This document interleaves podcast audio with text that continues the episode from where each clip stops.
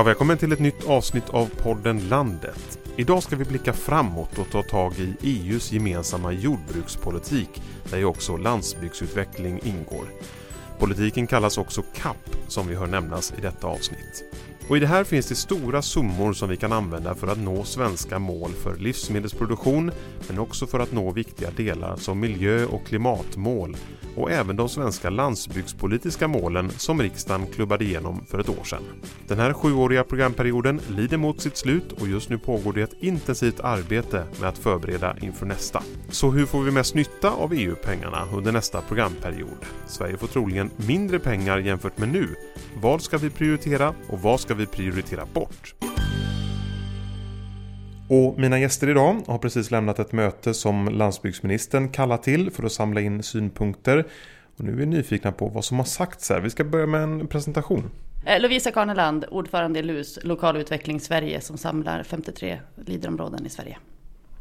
Sofia Björnsson, jag jobbar på LRF, Lantbrukarnas riksförbund, och är väldigt involverad också i landsbygdsnätverket. Eh, och jag jobbar med eh, alla frågor som har med EUs jordbrukspolitik att göra. Ja, men eh, välkomna hit båda två. För att bilden då ska bli lite klarare här. Vilka frågor var det som ministern ville diskutera med er? Ja, det är ju de övergripande allmänna målen, de tre allmänna målen och de nio specifika målen i det här sakrådet som bygger på den SWOT som tidigare har gjorts. Där man analyserar styrkor, svagheter. Eh, Styrkor, svagheter, möjligheter och hot. Tack. Och var det någonting som sades som ni tyckte var särskilt eh, viktigt?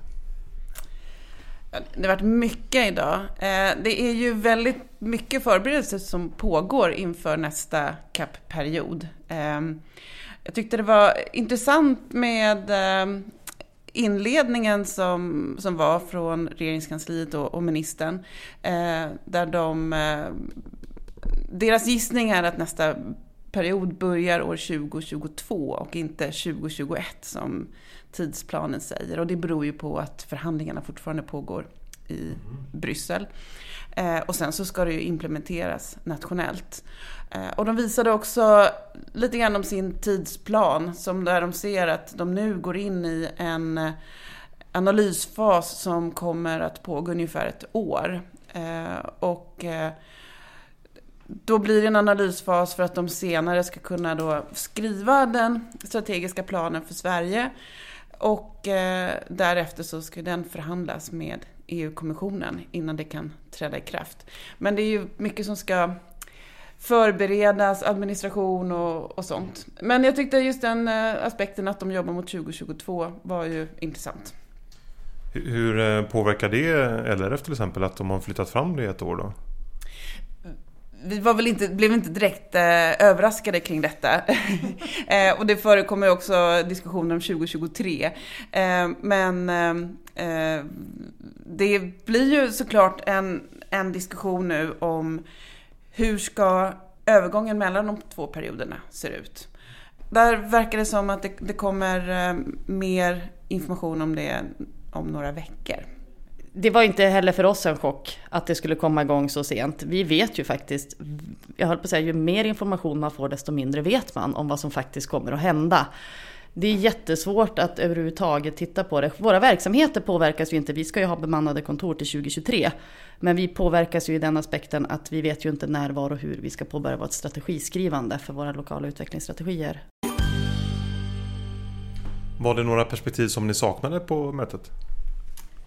Det man kan väl säga utifrån LRs perspektiv som vi kanske tycker att de skulle kunna trycka mer på, det handlar om eh, liksom, jordbrukarnas inkomster. Man pratar mycket om konkurrenskraft men inte så mycket om inkomstfrågor. Och där kommer också en åtgärd som kompensationsstödet med, där, där jag tycker att de hade kunnat göra tydligare eh, kopplingar till den typen av åtgärder för jordbruk i, jordbruket i hela Sverige. Jag tycker att man har missat lite integration och inkludering i kappen. Och jag vet inte om man har gjort det medvetet. Flerfondsmöjligheterna eh, som vi har idag är ju inte utredda inför kommande programperiod än. Så vi vet ju inte om LIDER kan jobba med regional, social och havs och fiskerifonden. Eh, och kan vi inte jobba med de fonderna så önskar jag faktiskt också att det finns en bättre integration och inkludering i kappen men det är inte en diskussion vi har fört idag utan nu har vi bara diskuterat kappen, inte en flerfondslösning. Så att alla är med på tåget nu då. Kan ni påminna om oss om eh, vilka mål vi ska uppnå med den gemensamma jordbrukspolitiken efter 2020? Vilka är de?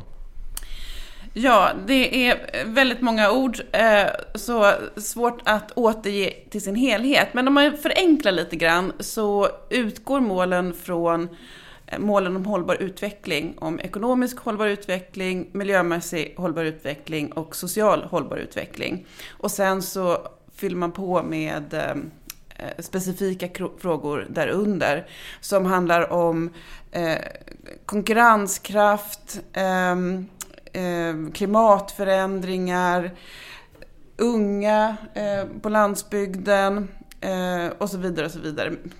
Så att det, där, där har vi de målen. Och Sofia Björnsson från LRF, du som tillbringar en hel del tid i Bryssel och har möjlighet att följa EU-kommissionens förberedelser på nära håll. Hur eh, ser prognosen ut? Kommer vi att behöva tuffare prioriteringar nästa programperiod?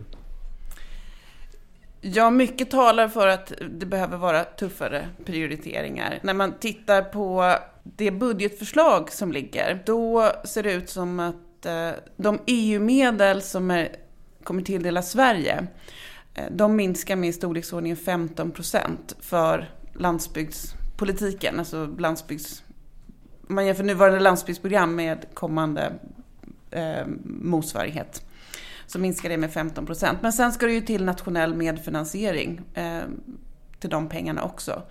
Och där var ju statssekreteraren tydlig idag med att han kan inte säga någonting om hur mycket sådana pengar det kan tänkas bli. Utan var snarare gjorde oss förberedda på att det kan absolut bli en minskning på totala mängden pengar.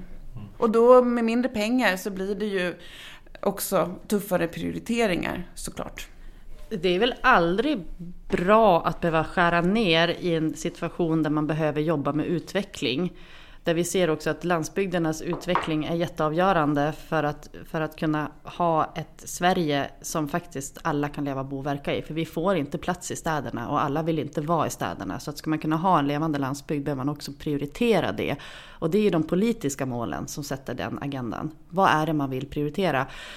Vi tycker att det här är jätteviktiga frågor. Det är därför vi deltar i de här sakråden, därför vi jobbar med de här frågorna. För att det här är någonting som vi tycker är viktigt och, och livsavgörande i mångt och mycket. För alla som bor och verkar i Sverige. Så att jag tycker att det är det är synd. Samtidigt är det så att vi står ju inför den här situationen och vi är väldigt glada att vi redan nu kan också påverka innehållet och ge, alltså, ge våran syn på hur vi ser på prioriteringsordningarna. Men eh, Sofia, vad är din bedömning här? Kommer pengarna att räcka för att täcka behoven och för att nå målen? Egentligen är nog frågan ganska enkel. Jag svarar nej på den.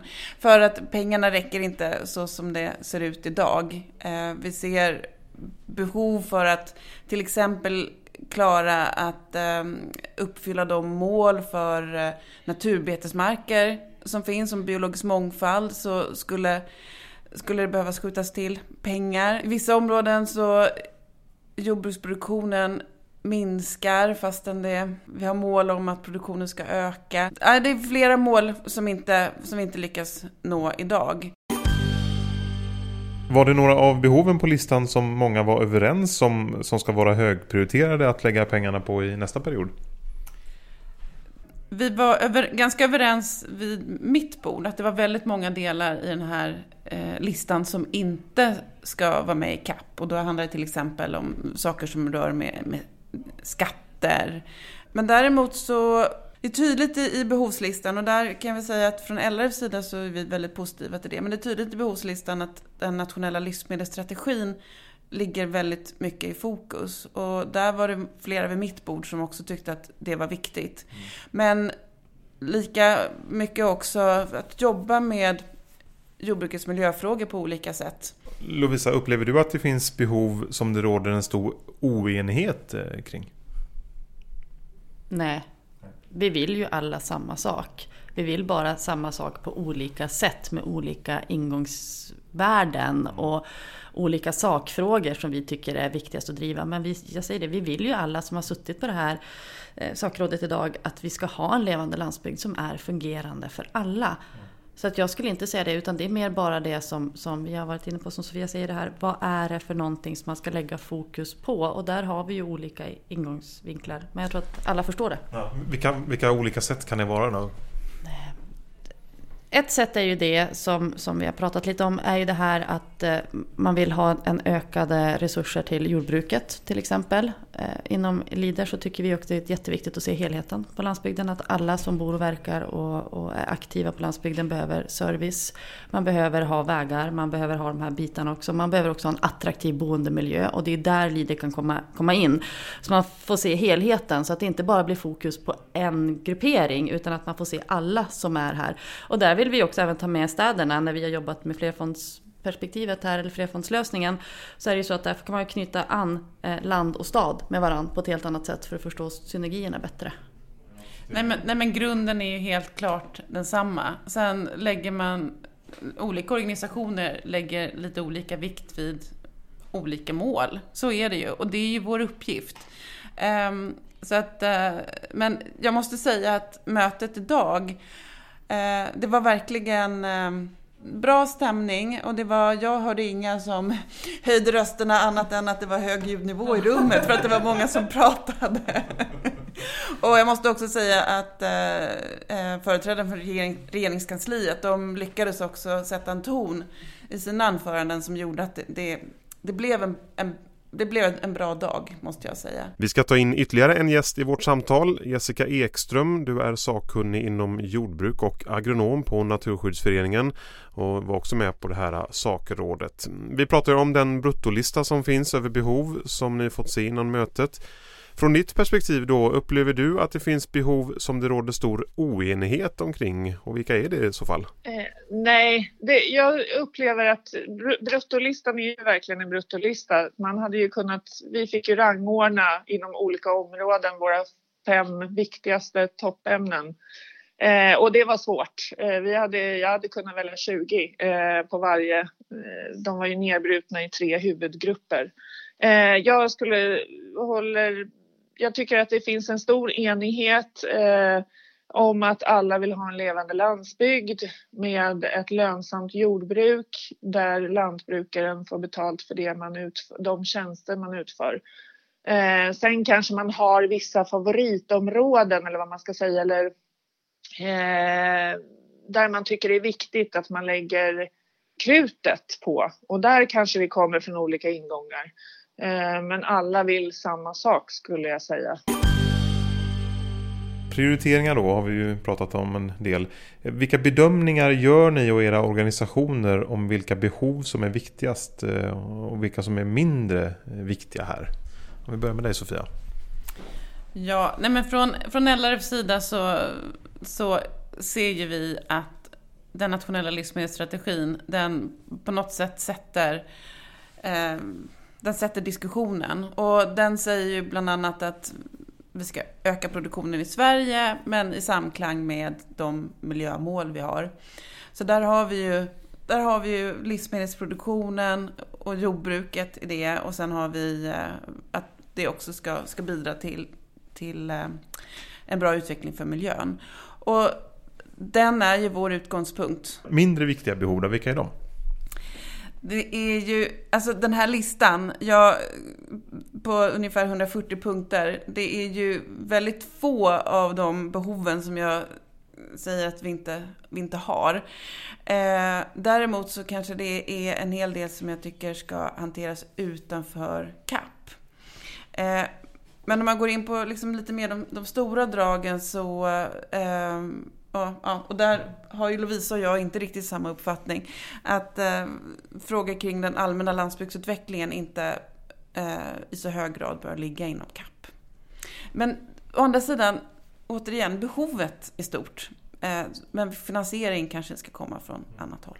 Ja, vi har ju diskuterat det här förr, eh, så är det ju. Vi ser på det här annorlunda och det är precis som Sofia varit inne på. Vi företräder olika organisationer med, med egentligen samma mål men med en en viss konkurrens om medel. Så ser det ju ut hela tiden. Det handlar om prioriteringar och det är det vi har gjort hela dagen idag, prioriterat.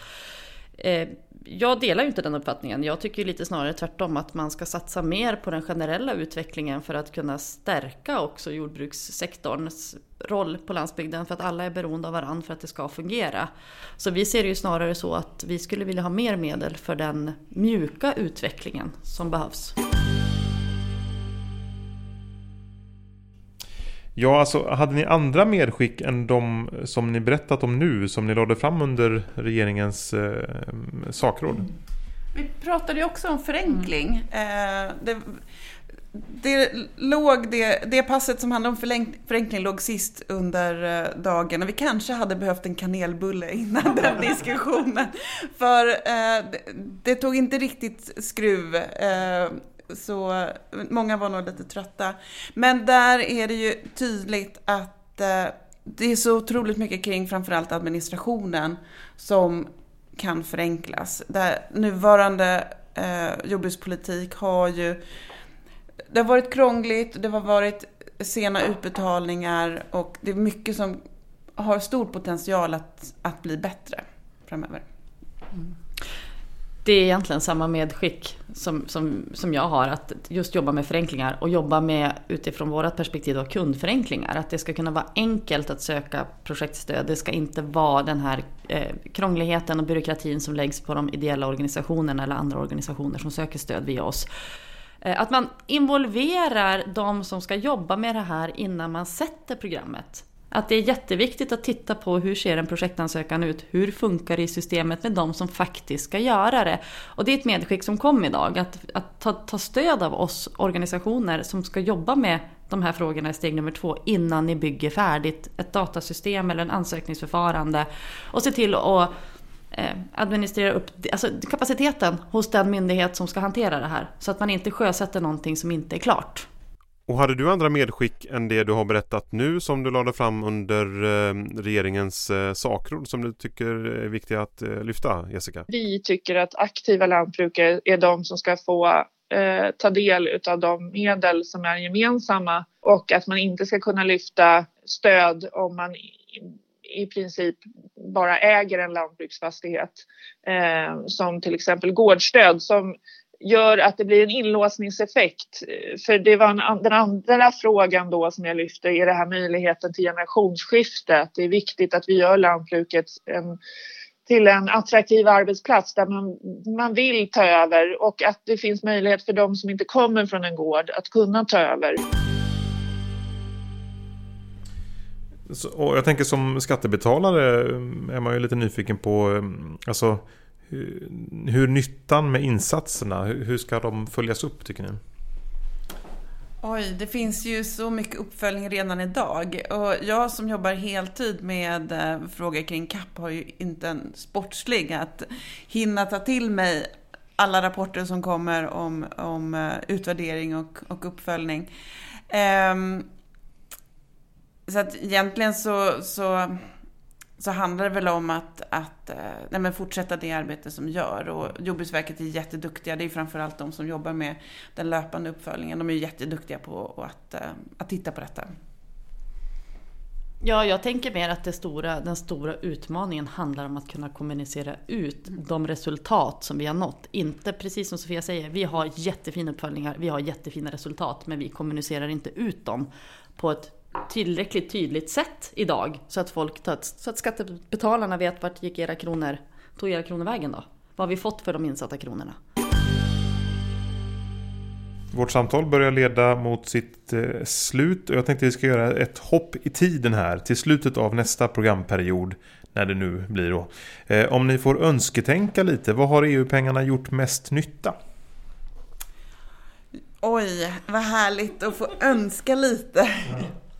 Nej men, eh, eh, vad har gjort mest nytta? Nej men det skulle ju vara fantastiskt om vi kan se en, en direkt koppling mellan, mellan CAP-pengarna och hur livsmedelsstrategin uppfylls. Det måste jag ju säga. Jag tycker det var jättesvårt. Jättesvårt. Jag tycker det här var en jätte, jättesvår fråga för att just säga vad vad CAP-pengarna har gått till. Jag skulle vilja säga att jag, jag, vill se att vi får fortsätta jobba med utveckling fast förenklat. Jag skulle vilja få sitta här i slutet av nästa programperiod och säga vad roligt det har varit med ett IT-system som har fungerat, med utbetalningar som har skett inom tid, där det varit rimligt att, att den här utvecklingsprocesserna som ska ske inom Leader, att de här fantastiska idéerna som kommer som den här bollen inte behöver pressas ner i en mikroskopisk fyrkant för att passa in i ett regelsystem. För då tror jag att vi får valuta för pengarna. För att de idéer och de insatser vi gör idag skapar jättemycket mervärden redan nu. Men att om vi skulle kunna få förenkla det här både för oss som jobbar i det men framförallt för de som söker de här typen av stöd. Så tror jag att vi skulle få ut så ofantligt mycket mer. Så det är mer min drömbild att jag kan få sitta och säga så här. Det vart så enkelt i den här programperioden som de sa. Eh, och då hade jag önskat att vi har ökat våra naturbetesmarker eh, från dagens nivå till eh, Artdatabanken har ju tagit fram att man Eh, Eh, att vi behöver öka antalet hektar naturbetesmarker till 450 000 hektar. Eh, nu har jag inte siffran exakt hur många hektar vi har just nu men det, det är långt under det. Eh, och det finns siffror som tyder på att vi skulle behöva ha ännu mera betesmarker. Vi har eh, eh, att fler djur kommer ut och betar och att vi har ökat våra naturbetesmarker så att vi klarar den biologiska mångfalden. För det är en nyckel i klimat frågan också. Jag tycker vi eh, säger så här. Vi träffas när, den, när nästa programperiod börjar närma sig sitt slut och ser hur det blev helt enkelt. Tack för att ni var med i podden Landet. Tack så mycket. Mm, tack. Är du medlem eller jobbar i någon av Landsbygdsnätverkets medlemsorganisationer? Ja, då har du möjlighet att vara med och fortsätta diskutera framtida EU-verktyg. Den 12 till 14 november har vi årets stora träff i Åre där ämnet tas upp i en workshop. Du kan anmäla dig på landsbygdsnatverket.se. Podden Landet är slut för idag. Jag heter Peter Gropman. Tack för att du har lyssnat. Vi hörs!